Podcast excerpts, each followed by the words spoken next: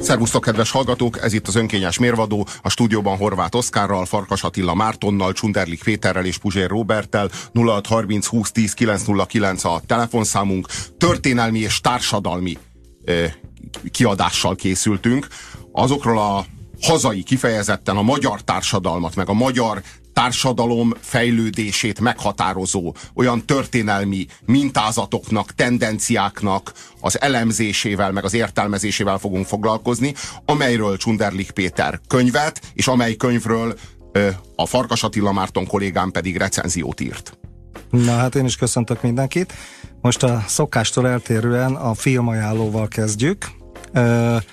Ezt a filmet én tukmáltam rá itt a kollégákra, ez a Szirmok, Virágok, Koszorúk című 1985-ös magyar film, ami a világosi fegyverletétel utáni években játszódó filmdráma.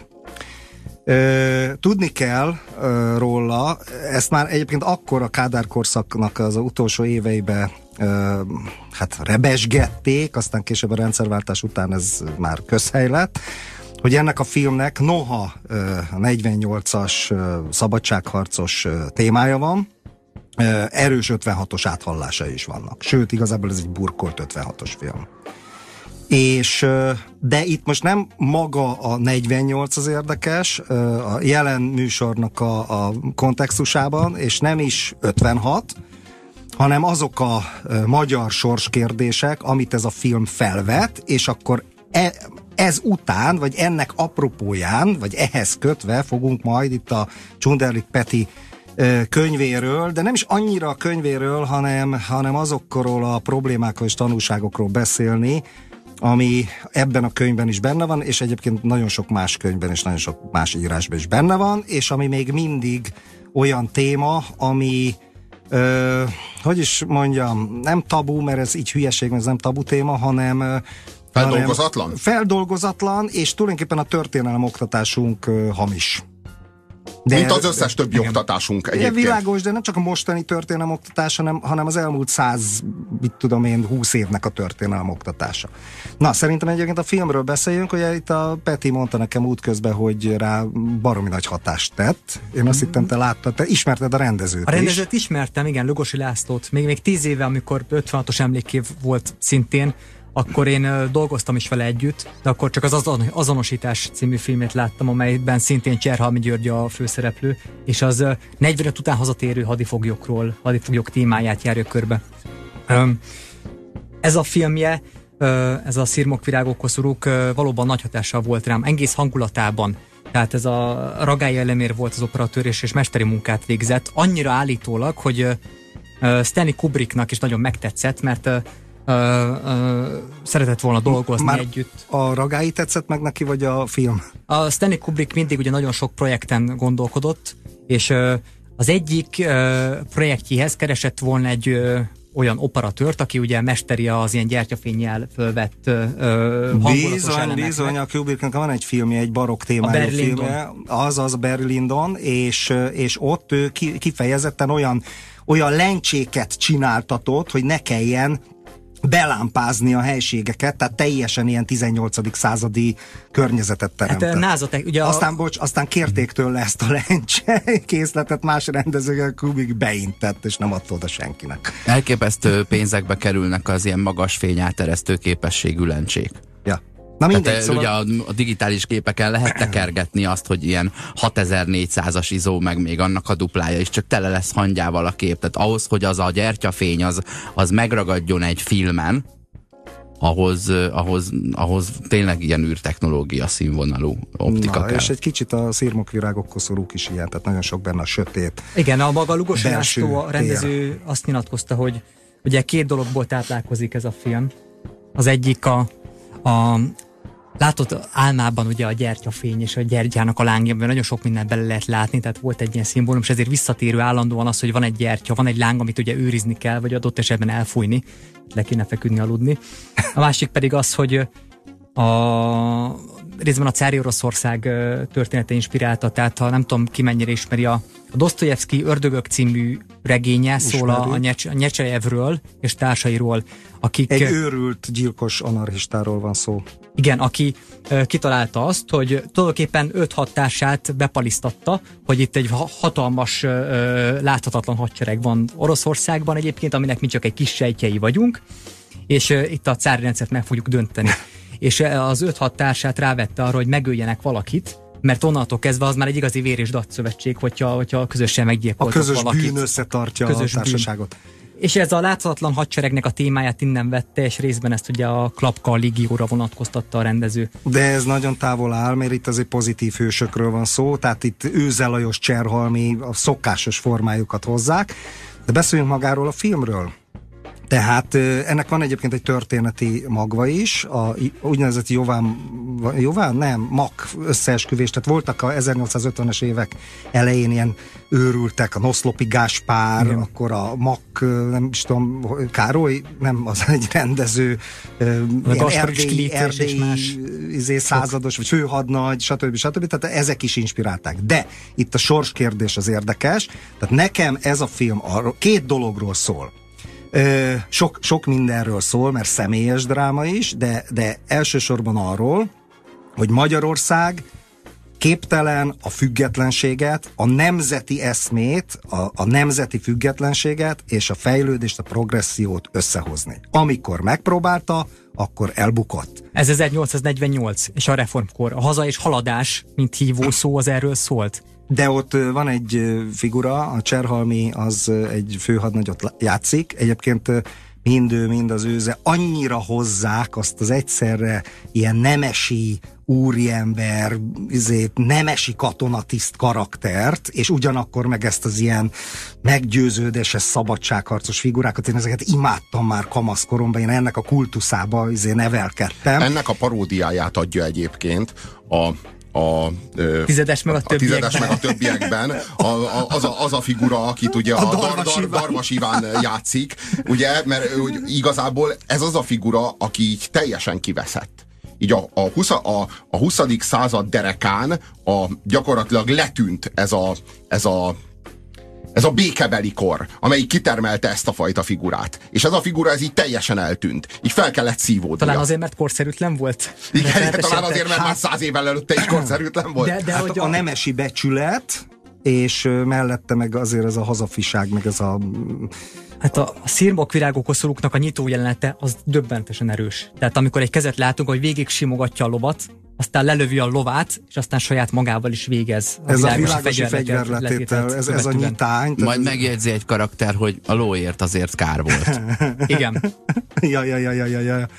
Mire ja, azt... pont az őze. Igen, az őze megjegyzi, mire a Cserhalmi azt mondja, hogy hogy ezredes úr, ha lenne golyó ebben a pisztolyban, akkor ugye le, adjon hálát az Istennek, hogy nincs golyó ebben a pisztolyban, mert hogy nagyon felháborodik.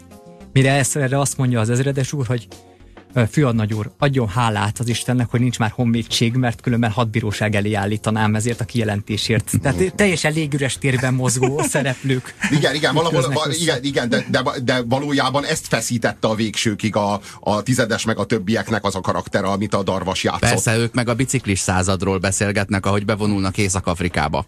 Itt, már... itt meg ugye a láthatatlan hadsereget idézgetik meg. Jó, el ne jussunk azért végén rejtőjenőnek a láthatatlan légió milliójáig, szóval azért, azért nagyon, nagyon komoly véres filmdráma van. Szóval a másik pedig, amiről majd beszélünk, vagy beszéljünk egy pár szót, az a mérhetetlen magány, ami ebből a filmből átjön. Tehát, hogy nincs láthatatlan hadsereg, ez egy kamu. Nincs magyar szabadság, ez egy kamu az egész. A film, amiről beszélgetünk, a Szirmok virágok koszorúk 1984-ből. A témánk az a, az, az hogy a, a haza és haladás ö, jelszavak azok nem kisebb célt tűztek ki, mint azt, hogy az évszázadokon keresztül ezt a kettőt összehangolni nem képes magyar történelem, ezt ne vagy, hanem és kapcsolattal egyszer össze tudja kötni, hogy a nemzetiesség a rovására lehet fejlődni, vagy a fejlődés rovására lehet nemzetnek maradni, vagy nemzetet alkotni. Hát igazából ez a két, a két nagy kurzus közötti szövetségre utal. Mert ugye a, a, a baloldali vagy balliberális kurzus az mindig is a haladást tűzte ki, mint első számú célt. A, a... Már bocsánat, amit a Robi baloldali vagy balliberális, ide tartoznak már a labancok is, tehát most ez ilyen. Nem, mondjuk második József lett ennek az emblematikus. Majd erről igen, igen, igen, igen, igen, igen, igen. Hát most a, mi úgy tartjuk, hogy, a, hogy, hogy ez, a, ez a hasadás, ez Mohács után történt, Ferdinánd és Szapolyai. Ez a két párt. Ugye a Ferdinánd párt, az kifejezetten a balliberális párt, a mai értelemben, a mai szóhasználattal. Na, a, progresszivistának a, lehetne mondani. Jó, így is lehet mondani, igen. És, hogy a, és a, és a, a, a a nemzeti, az pedig a szapolyai féle párt, ami, ami a, mind a mai napig nemzet. És ugye az egyik az úgy akar magyar maradni, hogy hogy azért nem akar nagyon fejletlen lenni, de elsősorban magyar akar maradni. A másik az meg úgy akar haladni, hogy azért a magyarságát nem szeretné teljesen elveszejteni, de elsősorban haladni akar. Itt két fontos dolog van. Az egyik, hogy ezt a gömbös ezt úgy nevez, hogy a magyar öncélúság politikája. Az egyik a magyarságot azt részben öncélnak tekinti, tehát hogy egy eleve adott értéknek, hogy én magyar vagyok. Gömbös Gyuláról és ez, van szó. És ez, és ez érték. A másik pedig azt mondja, hogy a magyarságnak nincsen önértéke, hanem ez csak egy nagyobb rendszerben helyeződik el. Tehát, hogyha az a hazafias politika, meg azok a hazafiak, akik mondjuk, nem tudom, akik csökkentik a szegénységet az országban. És ezért adott esetben a magyarságunkból is le kell adnunk azért, hogy mondjuk más fronton ö, emelkedést érjünk el. Mondjuk modernizálódjon az ország. És ott a modernizáció jelenik meg önértékként. A jövőnk sorsa nem a politikusok, hanem a szakemberek kezében van. Ismerje meg az ipart, mezőgazdaságot, aztán majd dönts el, hogy mihez kezd vele. Hogy mi akar lenni. És sürgősen felejtse el, hogy magyar. Hmm. Nem muszáj, hogy elfelejtse. Azt azonban tudomásul kell vennie, hogy egy birodalom polgára, és csak is mint ilyen lehet magyar. Mert ha nem vagyunk képesek birodalmi gazdaságban és külpolitikában gondolkodni, nem tudunk hasznára lenni a hazánknak sem. A láthatatlan hadseregről beszélünk, ami a Szirmok Virágok Koszorúk című filmnek a, a tárgya, és amelyel kapcsolatban a film második felére egyre több kétség fűződik, és amivel kapcsolatban lassan kibontakozik az a szomorú következtetés, hogy hát nincsen láthatatlan hadsereg, és ez annyira zavarba ejtően rímel a márciusban újra kezdjük feliratokra, ami 56 után, 56-ot követő télen, meg 56, 56-ról 57-re forduló hónapokban a budapesti házfalakon megjelent, MUK felirat, és mindenki várta, várta, hogy márciusban lesz a nagy újrakezdés. Már márciusban és semmi nem történt márciusban. De május 1-én kiment másfél igen. millió ember Kádárt üdvözölni. Minden idők legnagyobb békemenete volt a magyar történelemben. igen, igen. Bizony, bizony. Igen. És ugye, és ugye részben azért is, mert a magyar történelem legnagyobb béremelését egy adott évben a, a Kádár rendszer jugoszláv, szovjet és kínai hitelekből megvalósította. Uh-huh. És, és ezzel meg is alapozott az új, új boldog békeidőknek. Igen.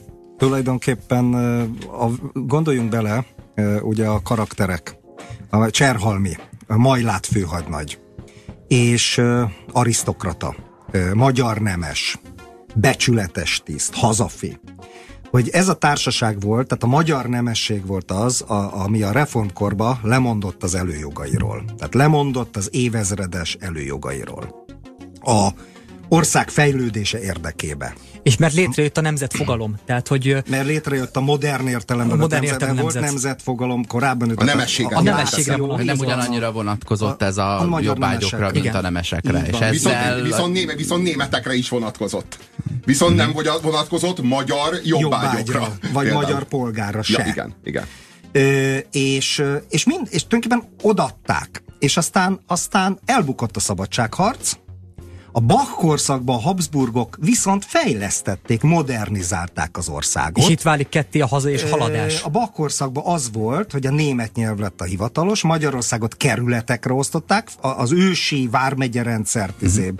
tacsra tették. Ami az identitás alapja Olyan, volt a magyar közigazgatásban. Ami az identitás alapja volt, így van a magyar közigazgatásban, és a, ö, olyanok is előfordultak a bakrendszerbe, hogy kint a folyosón a hivatalba magyarul beszéltek, és akkor kiszólt a többségében egyébként cseh és morva származású izé, hivatalnokokat alkalmaztak, hogy kipofázik, vagy kiugatít, ugye, mert hogy magyarul beszéltek, tehát nagyon érdekes kor volt, hogy úgy felszámolják a betyárokat, tehát a rablókat, építik a vasutat, nincs már jobbátság, fejlesztik az infrastruktúrát, de ugyanakkor a nemzet, mint olyan teljesen izé, el lett nyomva, majd jön a kiegyezés, és jön a kapitalizmus, jön a verseny, és egyszer csak az a magyar nemesség, ami valamikor az 1830-as, 40-es években föladta az előjogait, ott találja magát, hogy a kapitalizmusnak a vesztese.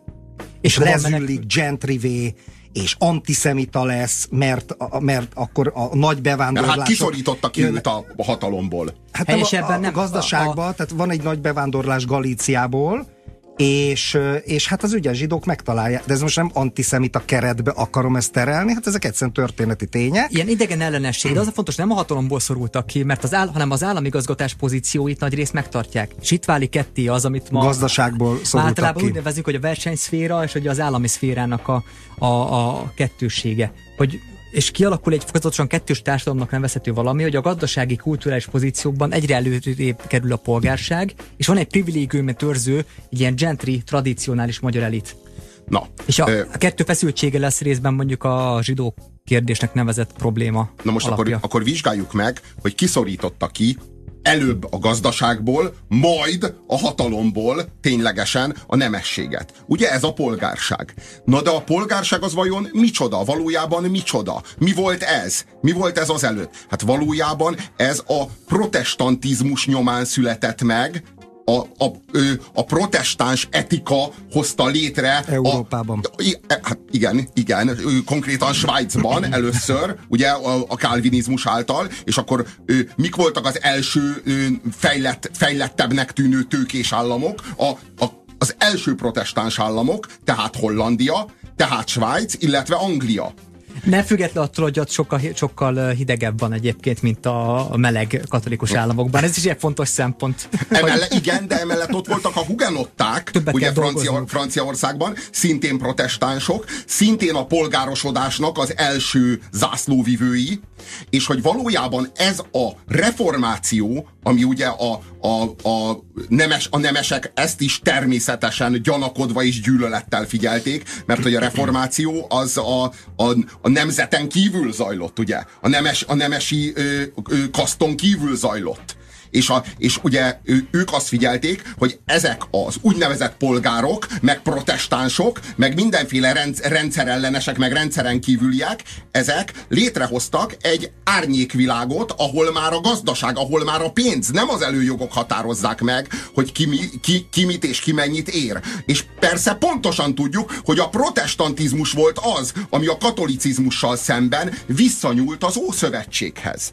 Visszanyúlt Mózeshez. Ugye a katolikusok már-már el is felejtették az Ószövetséget, nekik minden az új szövetség körül, Pál levelei körül, meg az evangéliumok körül forgott. És jött, jött, jött Calvin, és Calvin visszavezette a kereszténységet, konkrétan a, a kalvinizmus, meg a protestantizmus által, visszavezette az ószövetségi alapokhoz. És itt a nemesség, meg a katolikus ö, hagyományos uralkodóosztály jogosan érezte azt, hogy itt egy elzsidósítása zajlik a kereszténységnek, és nem véletlen, hogy a zsidók meg a protestánsok, értelemszerűen a polgári réteg, amit, amit gyanakodva figyeltek a hagyományos, hagyományos rendszernek az, a haszonélvezői, azok, azok egy teljesen új hatalomgyakorlási módot, egy gazdasági erőt hoznak létre. Értelemszerű, hogy, hogy ebben a zsidóságnak mint szellemnek, akár mint a protestantizmust is megtermékenyítő szellemnek, akár konkrétan tételesen a zsidó tőkének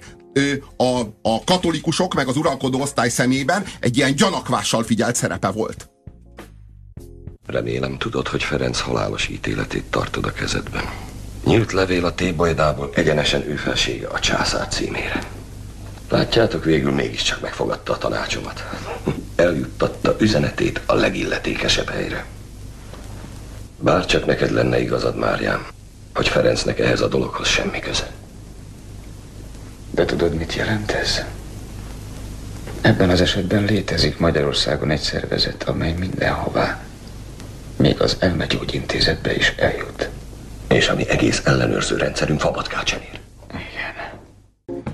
Szóval a, Szirmok, a Szirmok virágok, virágok koszorúk című film, filmről beszélünk, meg arról, hogy a magyar nemesi öntudat az hogyan tört meg a gazdasági erővel szemben, aminek volt egy protestáns és volt egy zsidó konnotációja, és ezek persze egymásba is kapcsolódtak, és persze minden, ami idegen gyanús volt, tehát ennek megfelelően a német polgárság is, hiszen a polgárság Magyarországon részben zsidó, részben német volt, tehát nagyon-nagyon csekély számban volt magyar polgársága egyáltalán az országnak. És De a 19. században. Miközben 48-ban a német polgárság nagy része odaállt azért a, a, a szabadságharc mellé.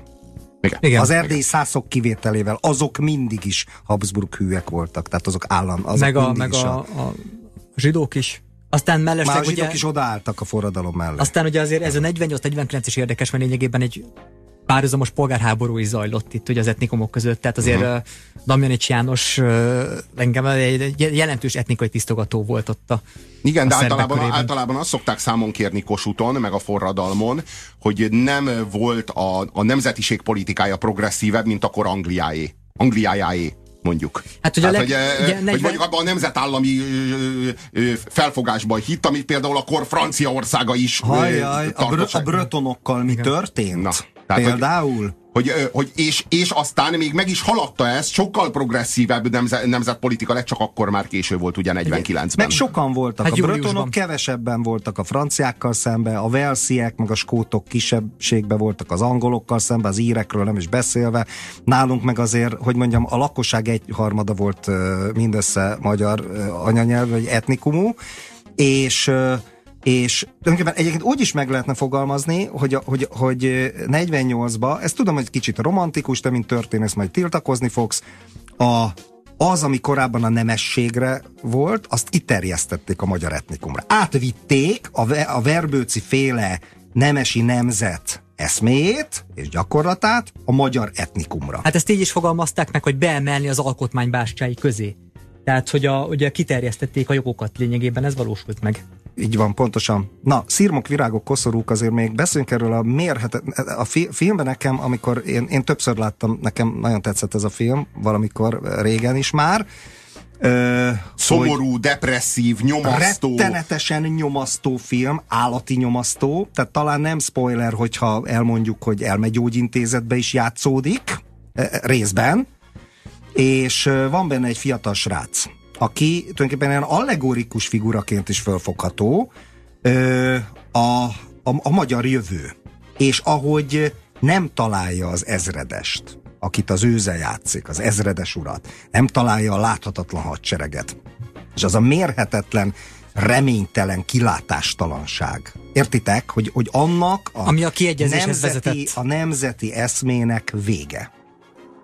Hogy a nemzet és az egyén ö, fogalma az hogy kapcsolódott össze, meg a nemzetnek, meg az egyénnek a sorsa, hogy a 19. században még létezett ilyen, hogy mondjuk, mondjuk Széchenyi, hogy elvész a nemzet, és Széchenyi az eszét veszti.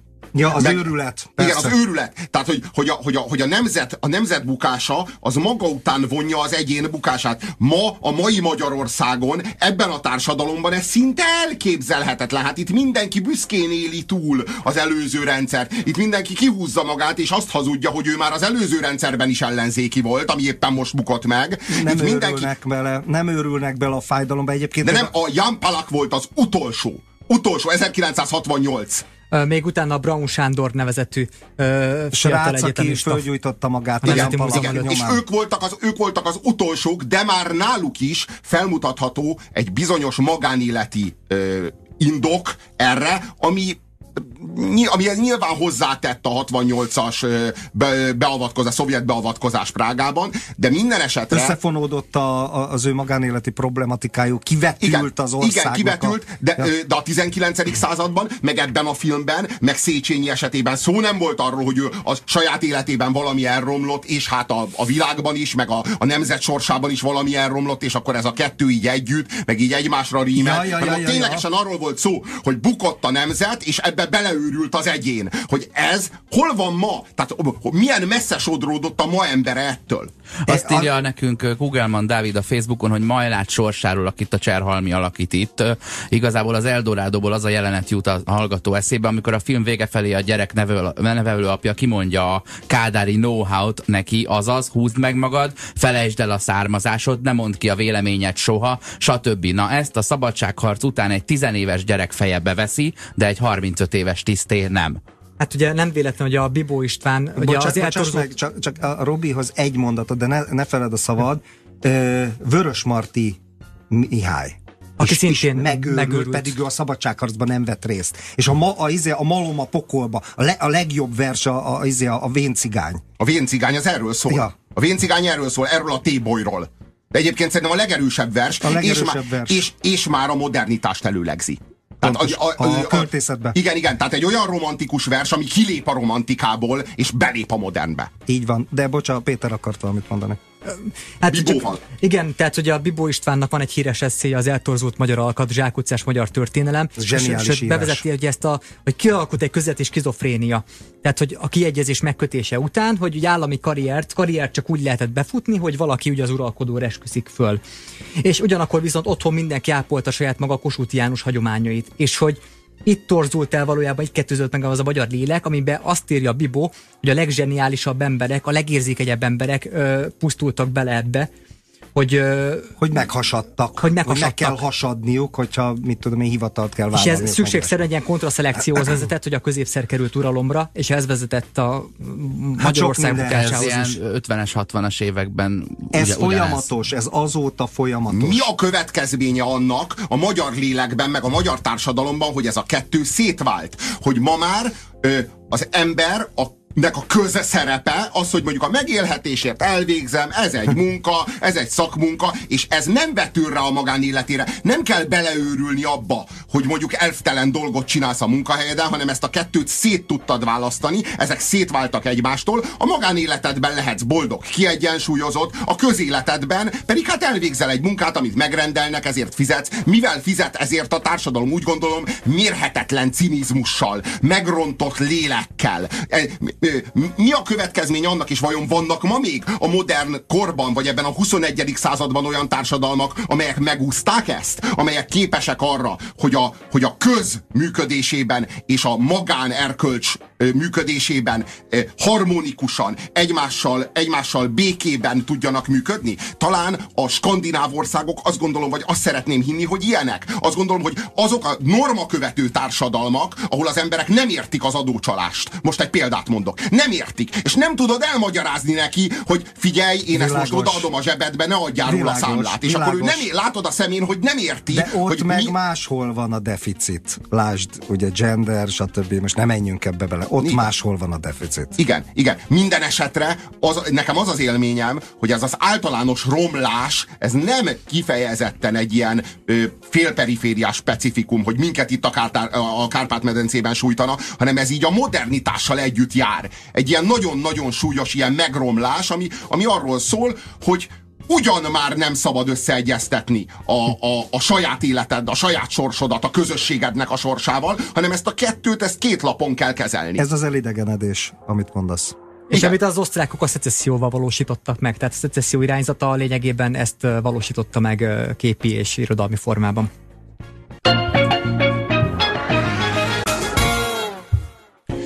Azt írja a hallgató. Szaniszló csurka vagy TGM nem hasonló módon őrült meg? Én azt gondolom, hogy a Szaniszló megőrült, de nem hasonló módon. Én úgy gondolom, hogy ő a fronton vesztette el az épeszét. Csurkára meg TGM-re én nem mondanám, hogy megőrültek. Én úgy gondolom, hogy a csurka meg a TGM csak egyszerűen rettenetesen szektásak lettek, és az utolsó húsz évükben már csak a szektájukkal kommunikáltak, és csak a szektájuknak akartak megfelelni. Üm, ugye a, a csurkával kapcsolatban merül fel az, vagy, vagy hangzott el az, egyébként a csurka is, meg a TGM is hallatlanul progresszív gondolkodók voltak a 90-es években. Ők voltak a magyarországi alterglob és rendszerkritika ö, megalapozói. Tehát ezt, ezt nem lehet elvitatni. De az tény, hogy a, hogy a csurka az például rengeteg nagyon rossz válaszsal hiteltelenített el rengeteg nagyon jó kérdést, amely kérdéseket egyébként neki köszönhetett a magyar társadalom. Csak a válaszok nyomán ezeket a kérdéseket rögtön ö, rögtön el, ö, össze is, csúr, össze is csurkázta. Vagy hát, hát, hogy megrontotta a kérdéseket a válaszaival. Pedig ezek nagyon fontos és nagyon jókor föltett kérdések voltak. Magyarok, aki jelen körülmények között a segítséget megtagadja ügyünktől, vagy nem fogad be magához egy igazi magyart, vagy elárul, avagy már elárult egy igazi magyart annak, a nyomorult testét kutyák elé hajítom.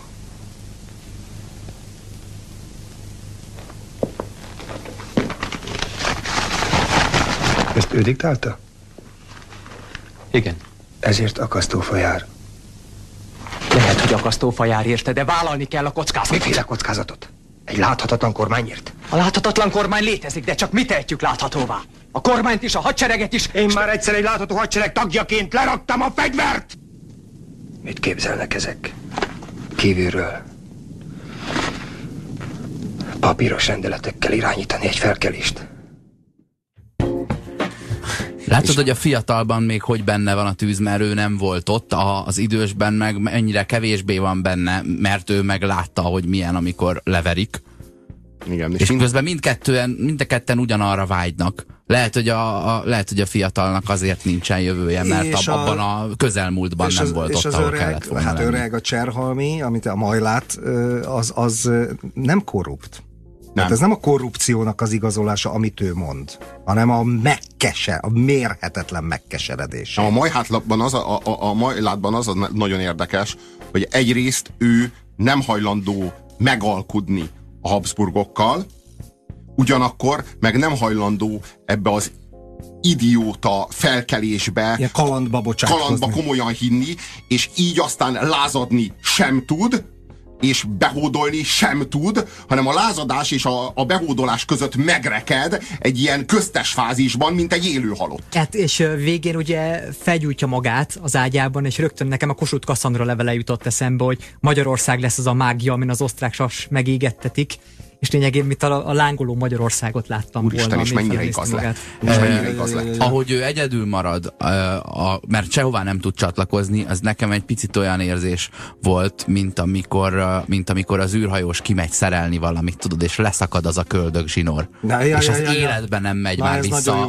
erre a hajóra se, ez meg a földre se. Viszont Oszi, a srác is, a lelkes is egyedül marad. Ez a poén. Tehát érted? Az is, a mér, mind a ketten egyedül maradnak totálisan pontosan. Akit korábban a Majlát szakít ki, mert ugye egy sikeres ugye Bécsi Egyetem kínálkozott neki, meg osztrák tanulmányok, tehát beintegrálódhatott volna ebbe az új neoabszolutista Magyarországba, és ugye Majlát rángatja ki azt. És, és rángatja, ma, rángatja magával a senki földjére.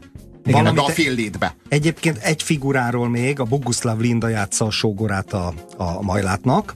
Ugye egy nagyon kiváló lengyel színészről van szó, és ő egy ő cenzor. Tehát ő teljesen befekszik a hatalomnak, és közben ilyen bűnvallomást tesz, hogy ő hisz azokban az eszmékben, hisz a 48-as eszmékben, amit naponta cenzúráz ki Na, az itt született, itt született a modern ember. Itt született a magánerkölcs és a közerkölcs szétválasztása. De neki még bűntudata van, igen. mert ha. még 19. századi, érted? Igen, De igen. már a csírája igen. ott van, még, a még nem, még nem született meg a cinizmus, a korrupció etikája, hogy jóváírja, hogy élhetővé tegye a korrupciót, a korrupt létállapotot. Igen. De az tényleg erős, ugye éjszaka ír, és amint jön a hajnal, kihúzza és megsemmisíti a szövegeket, nappal pedig csak kihúz.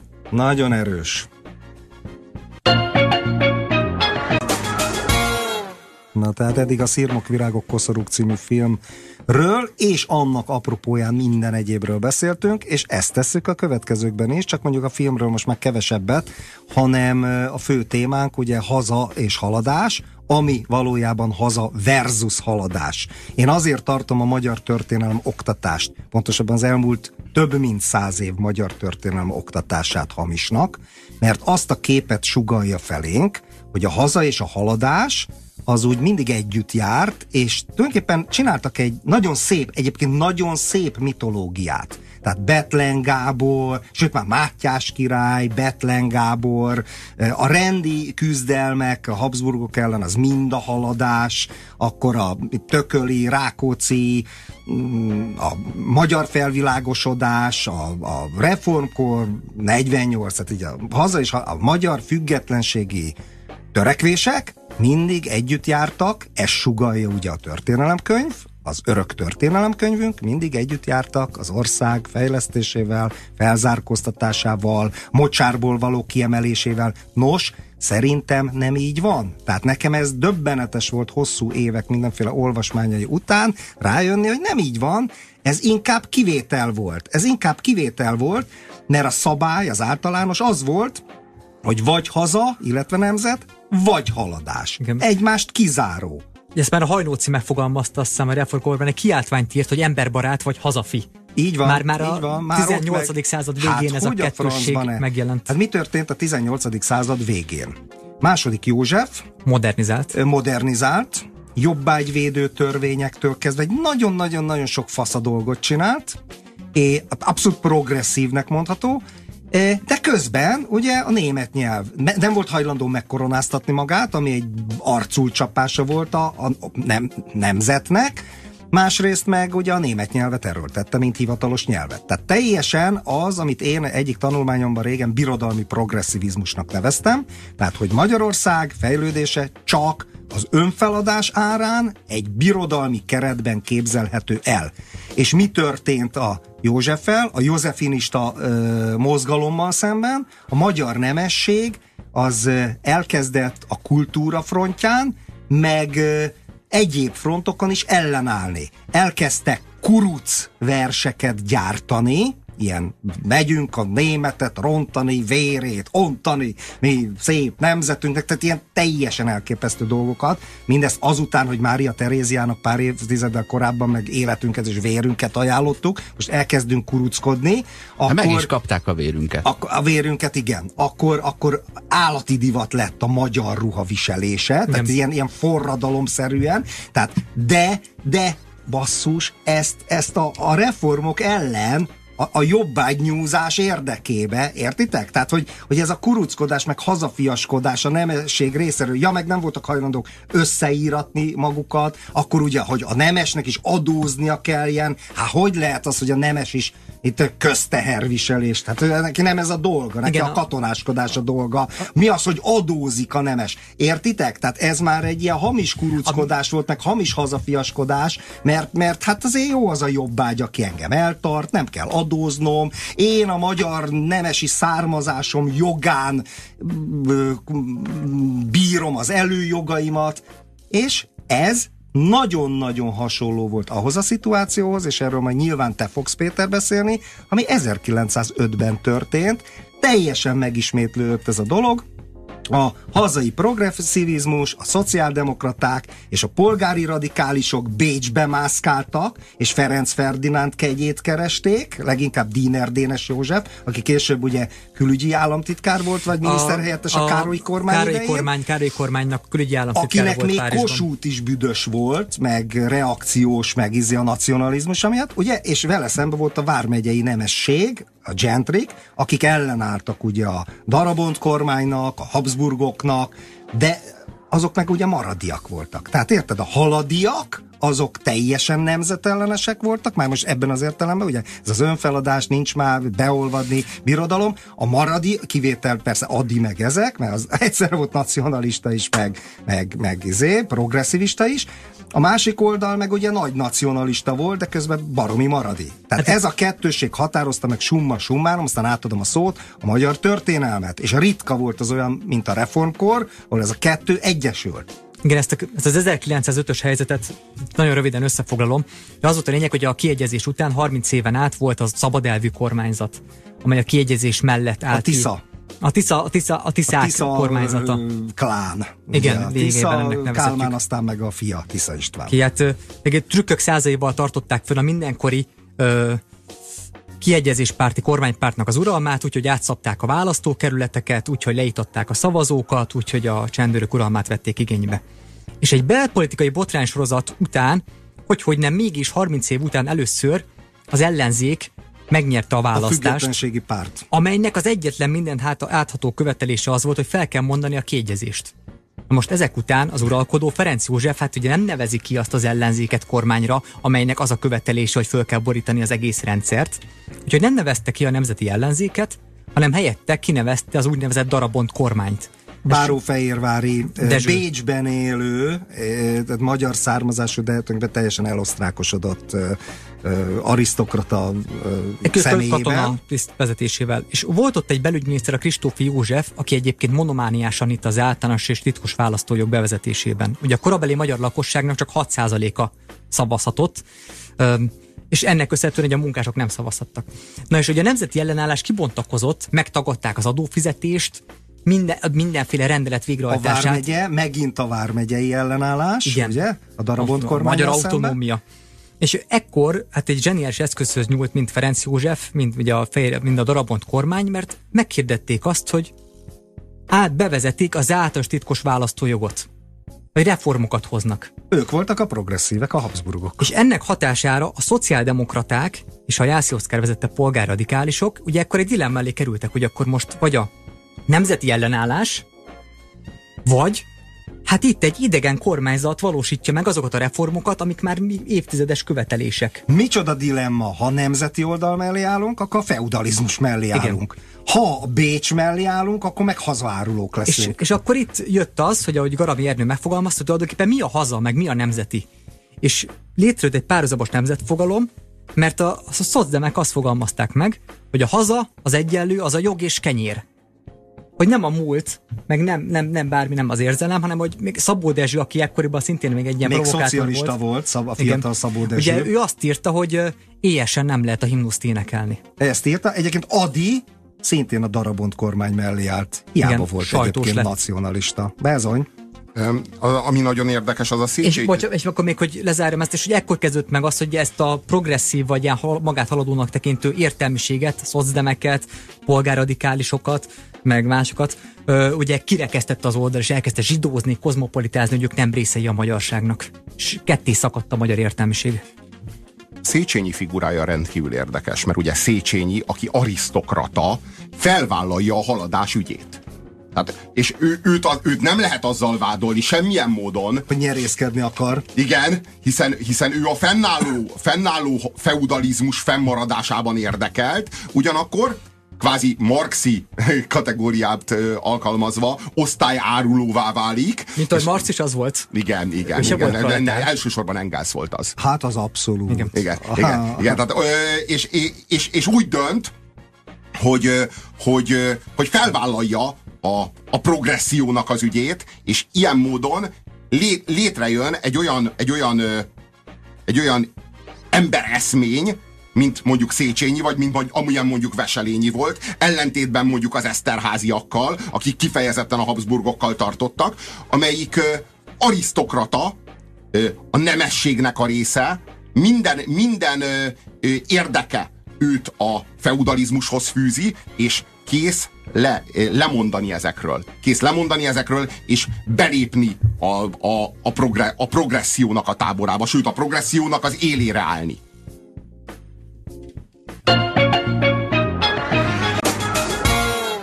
De mi is vált Széchenyiből, meg Veselényiből, és mi is vált Eszterháziból, ebből a két nemesi pártból a 20. századra, mert hogy a 20. századra, nem tudom, száz év hiába telik el, gyakorlatilag ugyanezek a mémesült figurák öröklődnek át. A mintázatok Pontosan. Ugyanazok. Széchenyiből és Veselényiből lesz Károlyi Mihály gróf, Eszterháziból meg lesz Károlyi Gyula gróf. Ugye? Egy testvérpár, Mind a kettő gróf, mind a kettő arisztokrata. Unokatestvérek.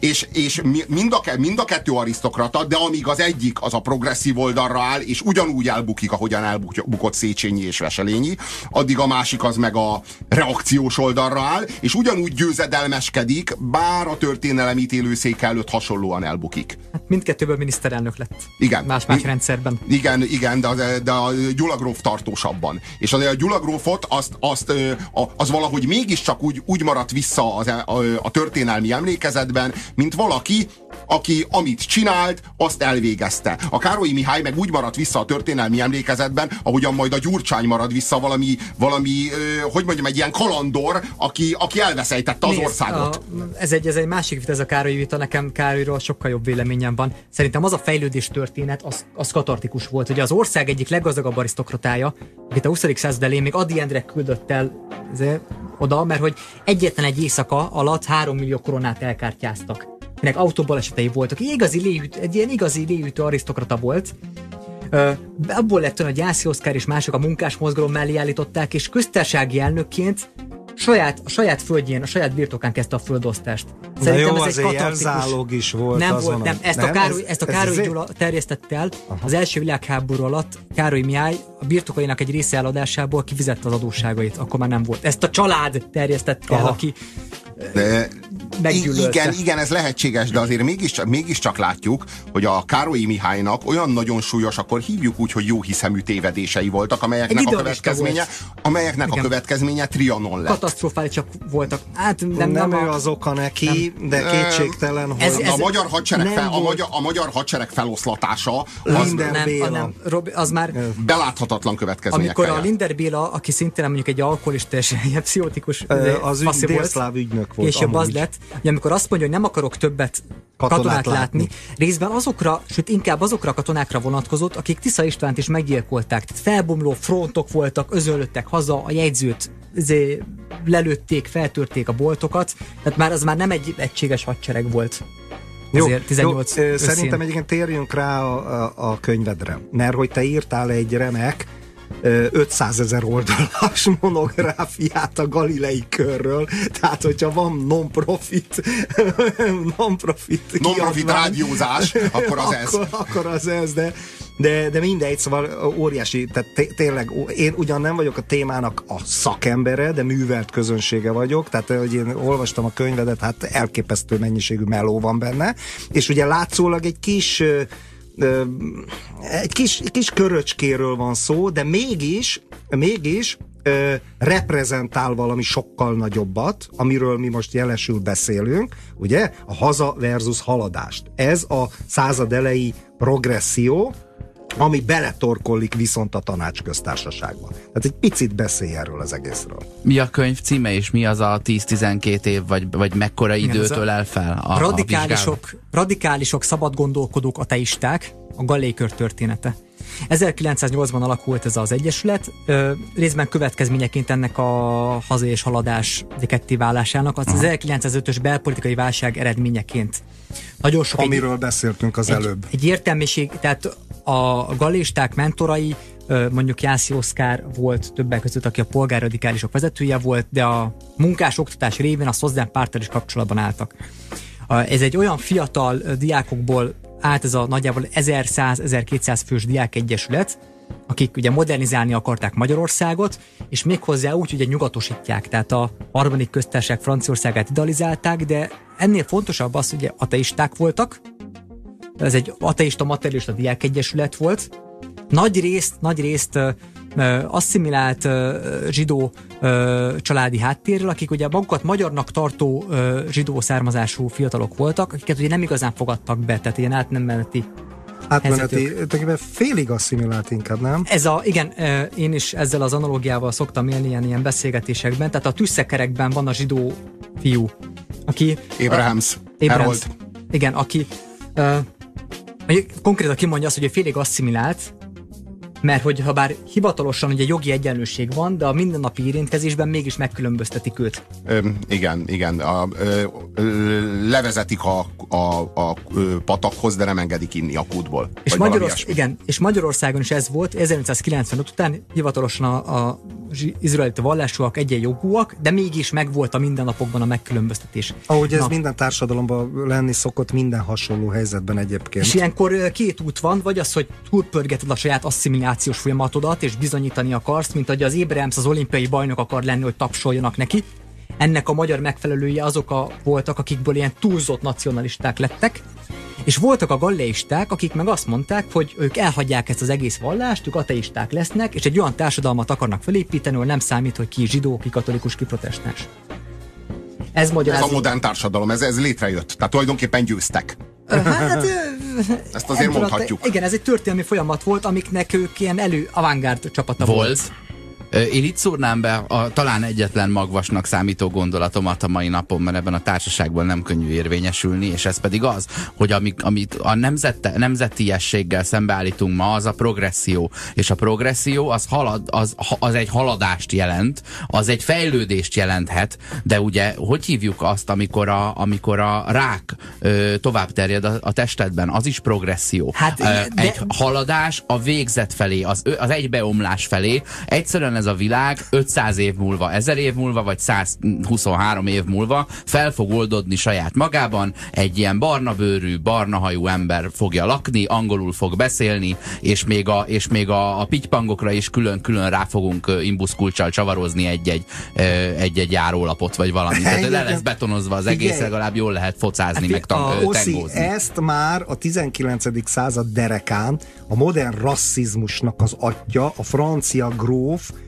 Joseph Arthur Gobineau már megjósolta, hogy a felsőbb rendű germán árja faj össze fog keveredni az alacsonyabb rendű népekkel, és egy nagy középszerű középszerű masszává Szerintem ez az elkerülhetetlen az természetes De ha rákhoz fejlemény. hasonlítod, akkor van ugye gyógymód, ki kell metszeni a nemzettestet megmételjező de, férget. Hát a de nem, nem, nem kell. Na jó, szintén... Szóval ez a, ez a rák, ez durva volt, figyelj, akkor elmehetünk ilyen fasiszta szövegek Nem, nem, nem, szó, szó nincs arról, hogy én így közelíteném meg. Egyszerűen az orvosi leíró nyelv azt mondja, hogy progresszált a daganat. Érted? Hogy tovább terjedt. Hát, ugye, de a, a, progr- a, hogy a progresszió az a haladás, nem feltétlenül egy általunk kitűzött cél, hanem egy végzet felé. Csak ez a haladás, csak, ez, csak, csak ne haragudj, ezzel a haladással mostanra már összekapcsolódott egy másik kifejezés, amit nem lehet szétválasztani a haladástól, és ez pedig a fenntarthatatlanság. Tehát arról van szó, hogy ez a haladás, ami a 19. században még egy ilyen csodás cél felé zajlott, most arra ez a cél, ez szétmállott, már senki se tudja komolyan venni, már, be, már behatoltunk a ködbe, már látjuk, hogy nincsen ilyen cél, hanem a, valójában a bolygó felélése az, ami zajlik, tehát a haladás az ténylegesen a rák progressziója. Nem de, mindegy, hogy, hogy amikor az emberek keverednek, akkor keringőznek, és ilyen tempóban keverednek el, vagy olyan gyorsan keverednek, hogy leszakad a kezük, lábuk benne. De ezért kell történelmileg elhelyezni adott korszakot. Tehát az első világháború előtt vagyunk,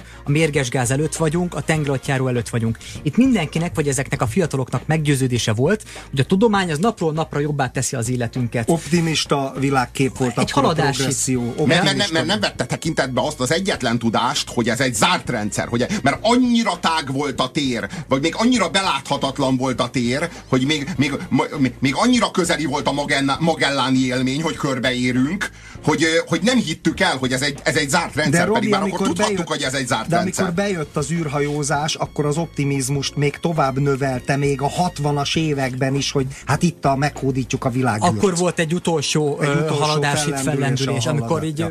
hetente föllövük a Saturn rakétákat, meg az űrhajók. Igen.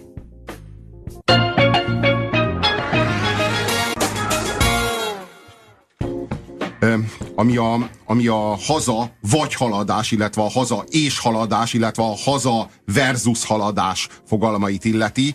Ugye ez a két nagy párt, meg ez a két nagy front, meg ez a két nagy szekértábor, a két nagy történelmi kurzus Magyarországon, amitől nem tudunk megszabadulni, és amik közé nem tudunk behatolni, vagy amelyek fölé nem tudunk emelkedni, legfeljebb bezuhanni alájuk, vagy közéjük. És ugye Adi volt az a figura, aki pedig egy komplet identitást épített arra, hogy nem hajlandó választani e közül a kettő közül, hanem ő mindkettő, és elidegeníthetetlenül mindkettő, és mindkettőnek a követőit ö, ki fogja rekeszteni mindkettőből. Tehát kirekeszti a progresszivistákat a progresszióból, de nem a hazából, ahogyan mindig zajlik, keresztbe kirekesztés, kirekeszti a hazafiakat a hazából. Ő az igazi magyar, aki progresszivista, ő az igazi progresszivista, aki magyar. És, és az az elképesztő, hogy a, hogy a, a Tasnádi András barátommal, akivel egy egyetemre jártunk, annak idején ilyen késhelyre menő vitákat folytattunk, hogyha Adi ma élne, a 90-es években járunk. Kinek adna igazat? Akkor nem, akkor SDSS lenne, vagy mi épes. És a, a Tasnádi az verte az asztalt, hogy mi épes, én meg vertem az asztalt, hogy SDSS. Ez és akkor közhely is volt a 90-es években. És ez valószínűleg mindkettőnknek igaza volt. Pontosan. A Miép 98-as választási plakátján Adi Endre arca is rajta volt, hogy ha, ha ők ma élnének, a Miépre szavaznának, és akkor így a komplett izé, a magyar történelmi arcképcsarnokot rárakták.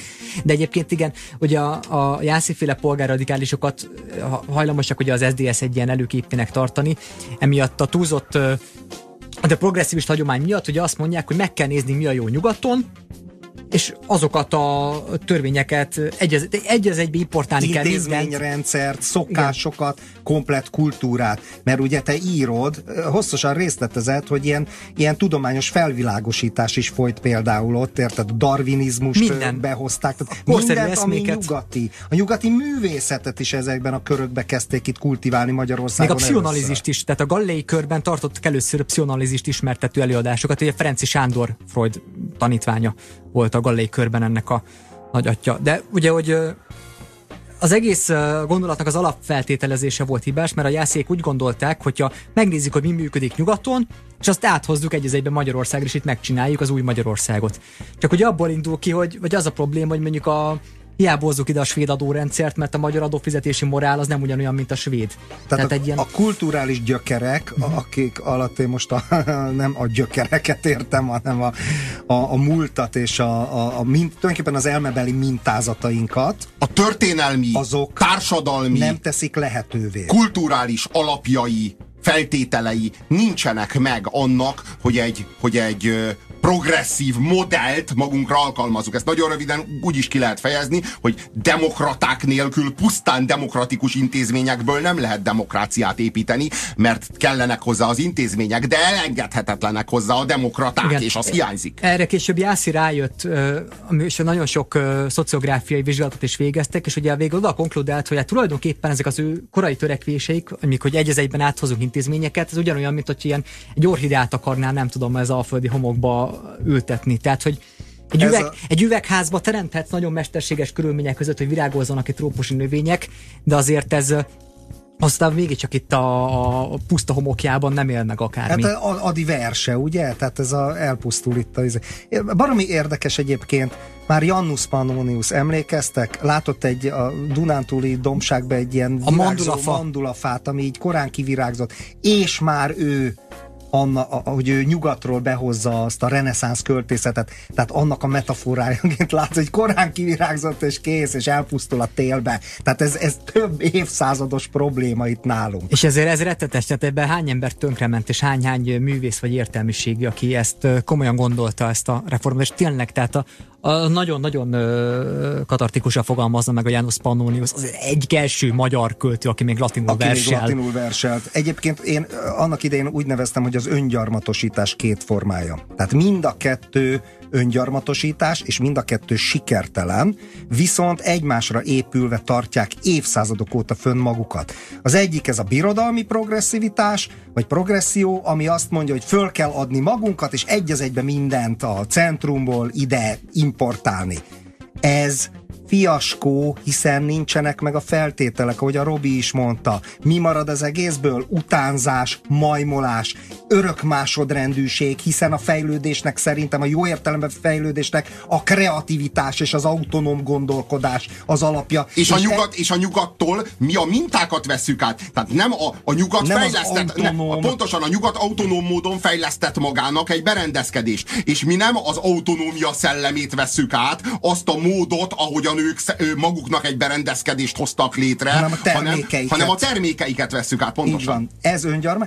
Viszont ez kiváltja szítja benszülött reakciót, ami meg az egész országot egy nagy indián rezervátummá alakítja. Igen. És ezek egymásból élnek, és ez borzalmas, ez szörnyű. Az ábrándos rohadás, hogy talán Adi Endre írta mi áll szemben a progresszivizmussal? Ugye a valamiféle konzervativizmus, de ennek a, ez a konzervativizmus ez két dolgot jelent. Szigorúan két dolgot, és ezt érdemes szétválasztani. Egyrészt jelenti a reakciósságot, ami arra vonatkozik, hogy tagadunk mindent, ami progresszivista. De másrészt jelenti a pragmatizmust. Mert hogy így a konzervativizmusnak is van egy fényes, meg egy sötét oldala, ahogyan a progresszivizmusnak is van egy fényes oldala, amit mondjuk pont úgy fejezünk ki, hogy ez egy progresszív gondolat, de van egy árnyékos oldal, azt úgy hívjuk, hogy felforgató. Tehát, hogy értjük azt, hogy a pragmatizmus az arról szól, hogy, hogy hogy nem ezen a világon ö, van a megváltás, hanem hogy, hogy tartsuk magunkat, hogy, hogy tartsunk egy mértéket. Tehát hogy azt gondolom, hogy ha van valami, ami megmentheti a világot a messzes gödröktől, amifelé a felforgató a, a, pro, a progresszivizmusnak a felforgatásba való átcsapása vezeti a, világot. A progresszivizmusnak a perverziója, Igen. a felvilágosodás perverziója volt a bolsevizmus meg ez. Igen, az a felforgatás. És hogy a, a pragmatizmus az, ami ettől megvédheti a világot. Az az eszme, amelyik azt mondja, hogy, hogy tegyünk jót, de, de közben minden pillanatban tudjuk, és ne felejtsük el, hogy nem ezen a világon van a megváltás, hogy a paradicsom nem ezen a világon fog eljönni, és hogyha jön egy Marx, vagy hogyha jön egy Hitler, amelyik azt mondja, hogy dehogy nem én elhozom, és hogy itt lesz a megváltás, akkor tudjad, mert a, a pragmatikus tudja, hogy ennek az ígéretnek a végén messzes gödrök vannak. Te konzervatív liberális vagy. Igen, azt Ez hiszem. klasszikus. Vissza klasszikus. kell ültetni valamiféle istenséget a trónra, mert a, a progresszió, ugye én inkább progresszivista Az- az- az vagyok, mint nacionalista. Ö, ellenben ö, vi, szükség van arra az istenképre, mert nincs mi megállt parancsoljon annak, hogy mondjuk kifejlesszük puszta hiúságból a mesterséges intelligenciát, ami megesz minket, mert minek?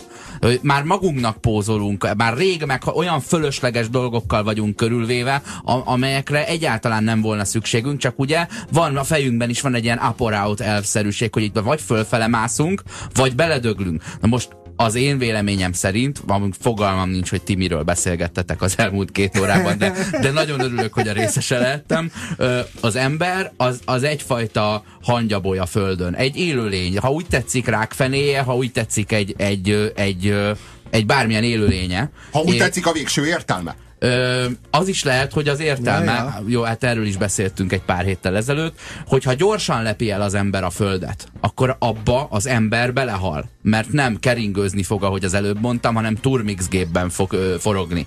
Ha lassan lepi el, abba viszont a föld hal bele, mert akkor be tudjuk fejezni ezt a műveletet, hogy ellepjük a földet. A nemzetek ezt a folyamatot, ezt a progressziót, ennek a rákfelének a, te, a terjeszkedését, ahogy a Smith ügynök fogalmazott, ö, lassítják az hogy, az, hogy van egy ilyen egymástól különbözőség tudatunk, és ezt minél inkább, hogyha az Asimov szerint 500 év múlva fog egymásba dőlni az összes nemzet, és lesz egy ilyen nagy globális birodalom, Egy akkor, akkor, az, akkor a nevezték a klubban. 492. évben még a magyarságom legyen egy batyuban a hátamon, hogy addig vigyem, és addig lassítsam ezt a bedőlést.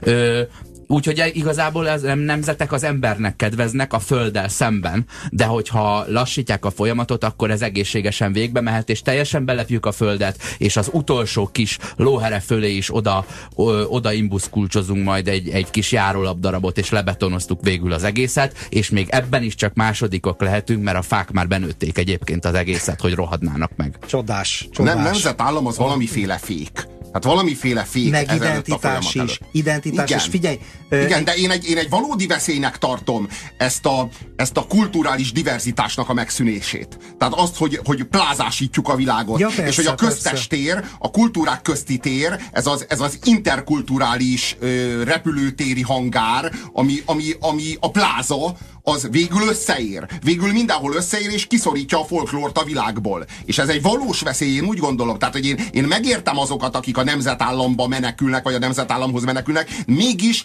az ösztöneim azt sugják, hogy, hogy a Szent Koronához való visszameneküléssel nem jutunk messzire. Hanem, hogy Világos. új, új ö, hogy mondjam, új fékeket kell, újabb és újabb fékeket. Világos. Bármi ez ellentmondásnak tűnik, Robi- mert ugye pont a konzervativizmus, meg pont a nemzetállamiság Kell még a nemzeti féknek. kapaszkodó, kell még, Azért vagy kell Újabb és újabb, modernebb, modernebb nemzeti kapaszkodók és fékek kellenek. liberális, és egyébként ö, küszködik is, vagy harcol is benned ez a két dolog, de egyébként ne, nem önellentmondó ez. Az identitásra visszatérve. Tehát amíg nem volt nemzet, mindig, hogy is mondjam, az emberiség az egy túl tág, az nem identitás, az akkor lenne identitás, ha jönnének a marslakók, vagy az ufók, és akkor lenne identitás. Csak Rousseau próbálkozott ezzel, amikor azt mondta, hogy eh, elsősorban ember vagyok, és csak véletlenszerűen francia.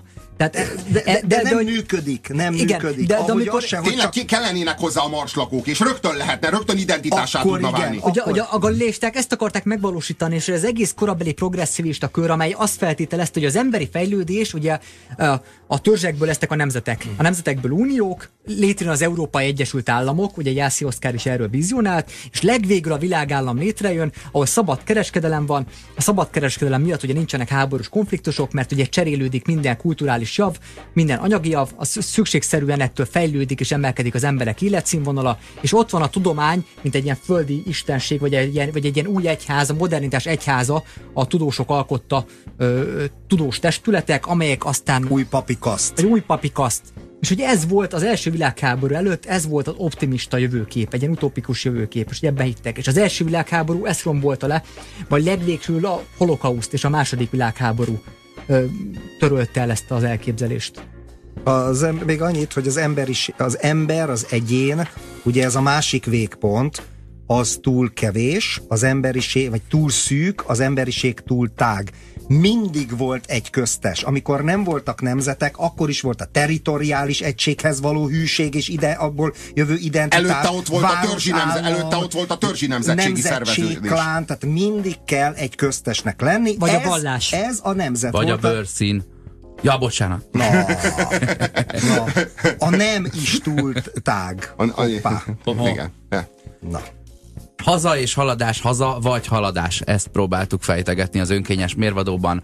Farkas Attila Mártonnal, Csunderlik Péterrel, Horváth Oszkárral és Puzsér Roberttel. Köszönjük a figyelmeteket, sziasztok! Sziasztok!